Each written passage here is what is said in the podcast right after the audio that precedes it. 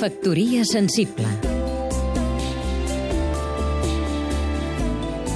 Núria Amat, escriptora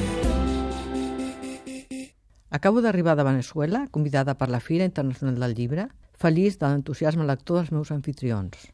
Aquest meravellós país està dividit en xavistes i opositors al xavisme, classe mitjana, universitats, empreses, com ja saben. De retorn a Barcelona, a l'aeroport Michelena, després del xec ni facturació, vaig ser cridada per la policia i tractada com una delinqüent i narcotraficant d'alt nivell. Em van portar una cambra infecta, amb gos inclòs. Allà vaig esperar arribada de maleta, els meus papers en ordre, convidada especial de la Filuc, com si sentissin ploure.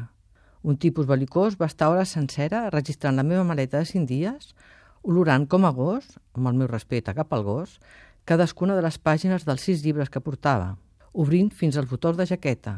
Amb ganivet va trencar una sabata, peça per peça, va ser ensumada com ni tan sols he vist a les pel·lícules. La resta de la meva roba usada, per descomptat, va semblar no interessar-li, però la va estar tocant fins a fora de mida.